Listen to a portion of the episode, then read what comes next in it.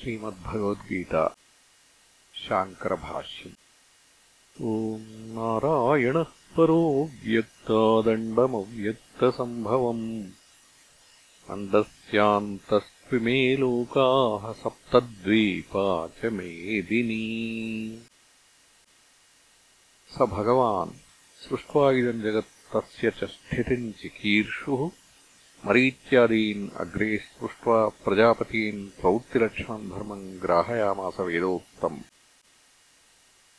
ततः अन्यान् च सनकसनन्दनादीन् उत्पाद्य निवृत्तिलक्षणम् धर्मम् ज्ञानवैराग्यलक्षणम् ग्राहयामास। द्विविधो हि वेदोक्तो धर्मः प्रवृत्तिलक्षणो निवृत्तिलक्षणश्च जगतः स्थितिकारणम् प्राणिनाम् साक्षादभ्युदयनिश्रेयसहेतुः यः स धर्मो ब्राह्मणाद्यैः वर्णिभिः आश्रमिभिश्च श्रेयोर्थिभिः अनुष्ठीयमानः। दीर्घेण कालेन अनुष्ठातॄणाम् कामोद्भवात्। हीयमानविवेकविज्ञानहेतुकेन अधर्मेण अभिभूयमाने धर्मे प्रवर्धमाने च अधर्मे जगतः स्थितिम् परिपिपालयिषुः स। आदिकर्ता नारायणाख्यो विष्णुः भौमस्य ब्रह्मणो ब्राह्मणत्वस्य रक्षणार्थम् देवक्याम् वसुदेवातंशेन कृष्णः किल सम्बभूव। ब्राह्मणत्वस्य हि रक्षणेन रक्षितः स्यात् वैदिको धर्मः। तदधीनत्वात् वर्णाश्रमभेदानाम्। स च भगवान् ज्ञानैश्वर्यशक्तिबलवीर्यतेजोभिः सदा सम्पन्नः। त्रिगुणात्मिकाम् वैष्णवीम् स्वाम् मायाम् मूलप्रकृतिम् वशीकृत्य अजः अव्ययो भूतानाम् ईश्वरो नित्यशुद्धबुद्ध मुक्तस्वभावः अपि सन्।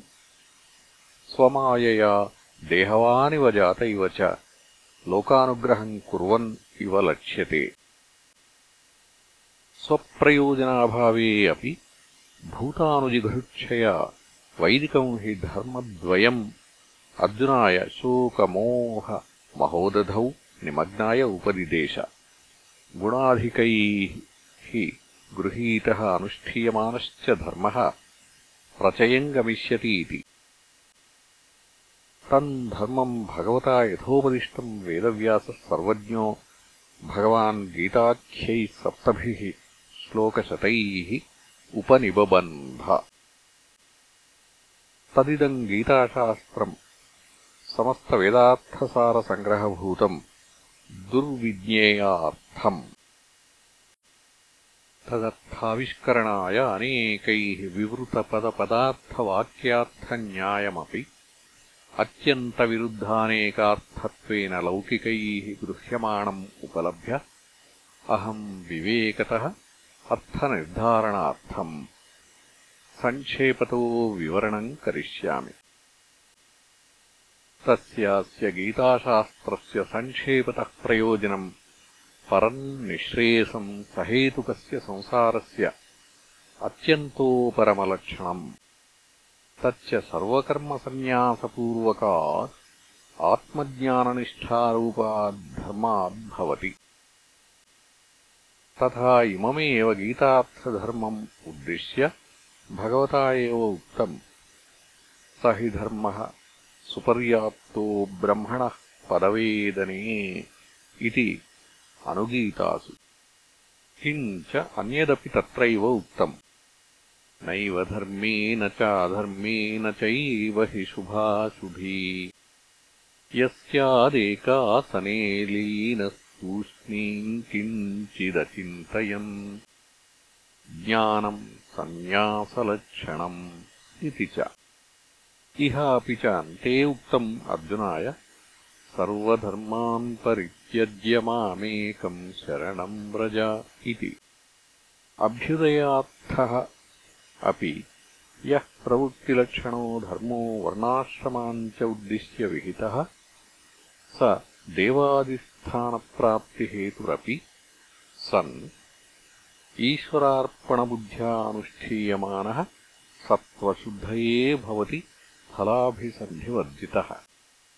शुद्धसत्त्वस्य च ज्ञाननिष्ठायोग्यताप्राप्तिद्वारेण ज्ञानोत्पत्तिहेतुत्वेन च निःश्रेयसहेतुत्वमपि प्रतिपद्यते।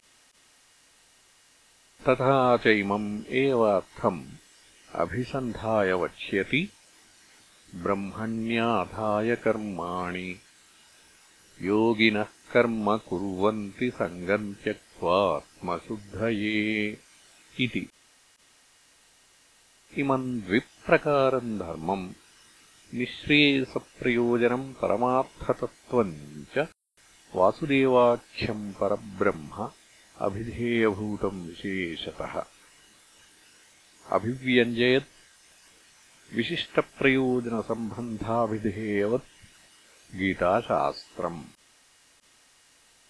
यतः तदर्थे विज्ञाते समस्तपुरुषार्थसिद्धिः अतः तद्विवरणे यत्नः क्रियते मया